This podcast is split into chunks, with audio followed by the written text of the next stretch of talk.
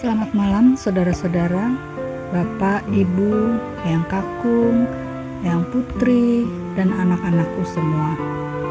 Bersama saya Pendeta Neni malam hari ini, Senin 24 Agustus 2020. Kita memasuki saat teduh, kita hening sejenak.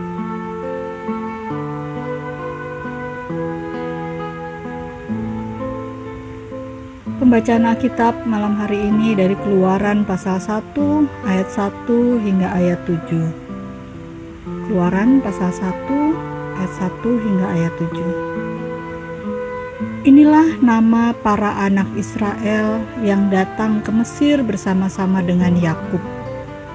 Mereka datang dengan keluarganya masing-masing.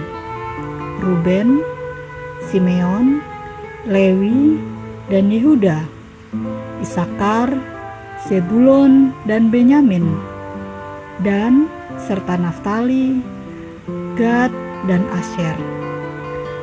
Seluruh keturunan yang diperoleh Yakub berjumlah 70 jiwa. Tetapi Yusuf telah ada di Mesir. Kemudian matilah Yusuf beserta semua saudara-saudaranya dan semua orang yang seangkatan dengan dia orang-orang Israel beranak cucu dan tak terbilang jumlahnya. Mereka bertambah banyak dan dengan dahsyat berlipat ganda, sehingga negeri itu dipenuhi mereka. Saudara-saudara, anak-anakku, kita akan segera meninggalkan bulan Agustus dan masuk ke bulan yang baru di bulan September.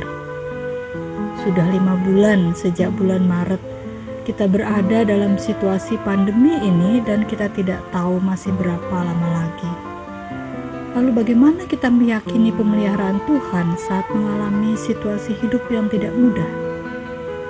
Bacaan Alkitab malam ini mengajak kita untuk meyakini pemeliharaan Tuhan dalam hidup kita, khususnya di masa sulit dengan cara pertama, ingat janji firman Tuhan bahwa Dia adalah Tuhan yang peduli dan berkuasa memelihara hidup kita.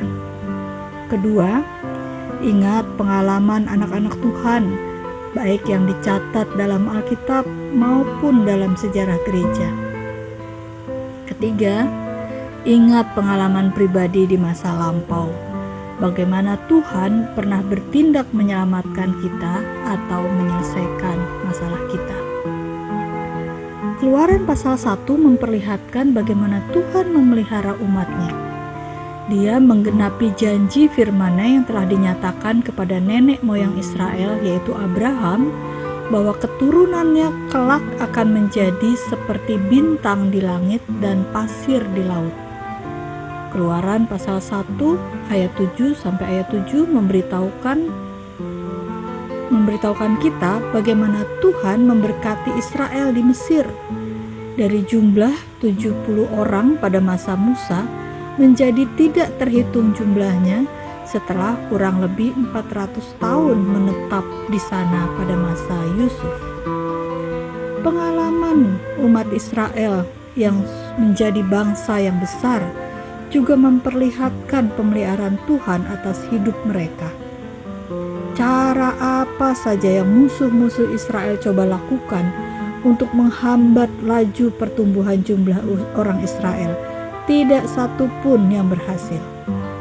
Firaun mencoba membatasi hidup bayi laki-laki yang lahir dari keluarga Yahudi dengan menyuruh bidan-bidan yang membantu kelahiran itu membunuh bayi-bayi lelaki. Kita ingat kisah itu di khotbah minggu kemarin. Cara lain yang dilakukan Firaun adalah dengan menindas kaum lelaki Ibrani. Mereka harus melakukan kerja paksa alias kerja rodi untuk membangun piramid bagi Firaun. Kuat kuasa Tuhan serta hikmatnya melindungi, memelihara, bahkan membuat umat Israel bertumbuh kembang tanpa bisa dihalang-halangi oleh siapa pun saudara-saudara dan anak-anakku, bangsa Israel diberkati oleh Tuhan dengan jumlah yang tidak terbilang. Sekalipun berbagai usaha untuk membinasakan Israel, tetapi Tuhan tetap memelihara bangsa Israel. Inilah bukti penggenapan janji Tuhan kepada Abraham bahwa Tuhan akan memelihara keturunan Abraham dengan jumlah yang tidak terhitung, bagaikan bintang di langit dan pasir di tepi laut. Tuhan menggenapi menggenapi janjinya karena Ibrahim, eh, Abraham dan juga Yusuf hidup taat kepada setiap perintah Tuhan. Kita mengenal Abraham sebagai bapak orang beriman. Lalu apa yang mau kita katakan saat ini ketika kita mengalami masa pandemi COVID-19? Masa yang tidak pasti kapan akan berakhir. Bahkan justru situasi makin mengkhawatirkan jumlah orang yang terpapar meningkat. Demikian juga jumlah orang yang meninggal. Bahkan dokter dan tenaga medis pun berkurang karena ikut terpapar dan meninggal. Apakah kita tetap meyakini bahwa Tuhan memelihara kita? Mari kita merefleksikan hidup kita dengan bertanya, apakah kita seperti Abraham ataupun Yusuf yang taat dan setia mengikuti perintah Tuhan? Tuhan memakai bidan untuk memelihara bangsa Israel. Saat ini, Tuhan memakai pemerintah dengan gugus tugasnya untuk memelihara dan menjaga kita dari musuh, yaitu virus corona. Sudahkah kita hidup disiplin dengan taat mengikuti protokol yang ada? Jadi, bukan Tuhan tidak memelihara kita, tapi mungkin kita yang tidak disiplin dalam pemeliharaannya. Amin. Bersama-sama kita menaikkan doa Bapa kami, kita akan mengucapkannya doa Bapa kami bersama-sama. Mari kita berdoa. Bapa kami yang di surga, dikuduskanlah namamu. Datanglah kerajaanmu, jadilah kehendakmu di bumi seperti di sorga. Berikanlah kami pada hari ini makanan kami yang secukupnya. Ampunilah kami akan kesalahan kami, seperti kami juga mengampuni orang yang bersalah kepada kami. Janganlah membawa kami ke dalam pencobaan, tapi lepaskanlah kami daripada yang jahat. Karena Engkaulah yang punya kerajaan dan kuasa dan kemuliaan sampai selama-lamanya. Amin. Kita lanjutkan dengan doa umat kita. Mari kita berdoa. Ya Tuhan, terima kasih untuk firman-Mu malam ini yang mengingatkan kami akan pemeliharaan-Mu dalam hidup kami.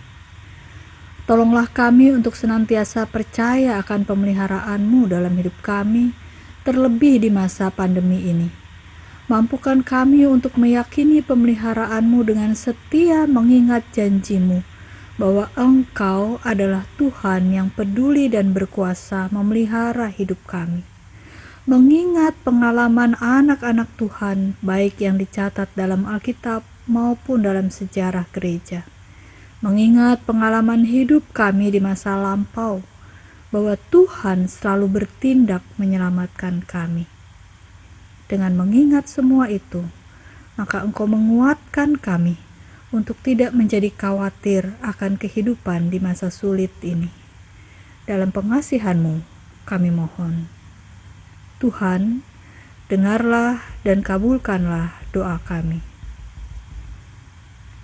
Ya Tuhan, situasi masa pandemi ini menjadi masa yang tidak mudah bagi kami. Ketika kami mendapat kabar bahwa kerabat bahkan saudara dekat kami meninggal dunia, kami ingin hadir untuk melihatnya yang terakhir kali di dunia ini. Kami ingin hadir untuk menghibur dan menguatkan keluarga yang berduka. Tapi semua itu tidak dapat kami lakukan karena protokol kesehatan yang berlaku. Bahkan ketika yang meninggal dunia adalah anggota keluarga kami. Duka kami begitu mendalam, bukan hanya karena kepergian anggota keluarga kami tetapi terlebih karena protokol kesehatan yang harus kami patuhi, yang membatasi segala keinginan kami untuk memberikan perawatan yang terbaik dan terakhir kali di dunia ini. Mampukan kami ya Tuhan, untuk percaya dan merasakan bahwa Engkau hadir dan memelihara kami dan Engkau merasakan duka kami.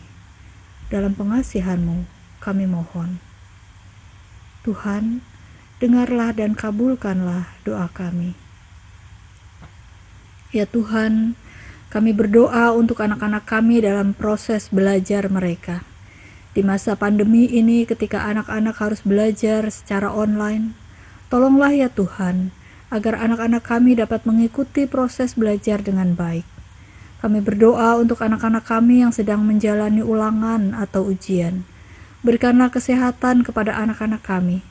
Berikan semangat dalam belajar untuk mempersiapkan diri mengikuti dan mengerjakan soal-soal ulangan atau ujian. Tolonglah para orang tua yang mendampingi anak-anak dalam proses belajar. Situasi saat ini sangat membutuhkan kerjasama yang baik antara orang tua dengan anak untuk dapat mengikuti proses belajar. Berikanlah kesabaran dan pemikiran yang kreatif kepada para orang tua dalam mendampingi anak-anak. Kami juga mendoakan para guru yang juga tidak mudah dalam mengajar melalui cara online. Tuhan berkati para guru, berikanlah kesehatan, kesabaran, dan hikmat agar tetap sukacita dalam melakukan tugas-tugas mereka. Dalam pengasihanmu kami mohon. Tuhan, dengarlah dan kabulkanlah doa kami. Ya Tuhan, kami terus mendoakan para pemimpin bangsa kami Indonesia dan juga para pemimpin bangsa di seluruh dunia. Berikanlah kesehatan kepada para pemimpin bangsa, Berikanlah kesabaran dalam menghadapi masyarakat yang bersikap menentang bahkan memberontak. Mampukan para pemimpin bangsa untuk dapat menjadi teladan dalam menjalankan hidup yang disiplin, mematuhi protokol kesehatan. Tolonglah kami sebagai warga negara agar mengimani bahwa Engkau memakai para pemimpin bangsa untuk menjaga dan memelihara kami. Dengan demikian, kami akan senantiasa mendengar dan mematuhi ketentuan yang telah ditetapkan oleh pemimpin bangsa kami. Kami mendoakan dokter, perawat, dan semua orang yang bekerja di rumah sakit. Peliharalah mereka dengan kesehatan yang ekstra, sehingga mereka dapat menjalankan tugas dengan baik. Inilah doa kami malam ini. Dalam pengasihanmu kami mohon. Tuhan, dengarlah dan kabulkanlah doa kami. Amin. Saudara-saudara, tetaplah setia menjadi pendoa. Selamat malam, selamat beristirahat. Tuhan menjaga kita semua.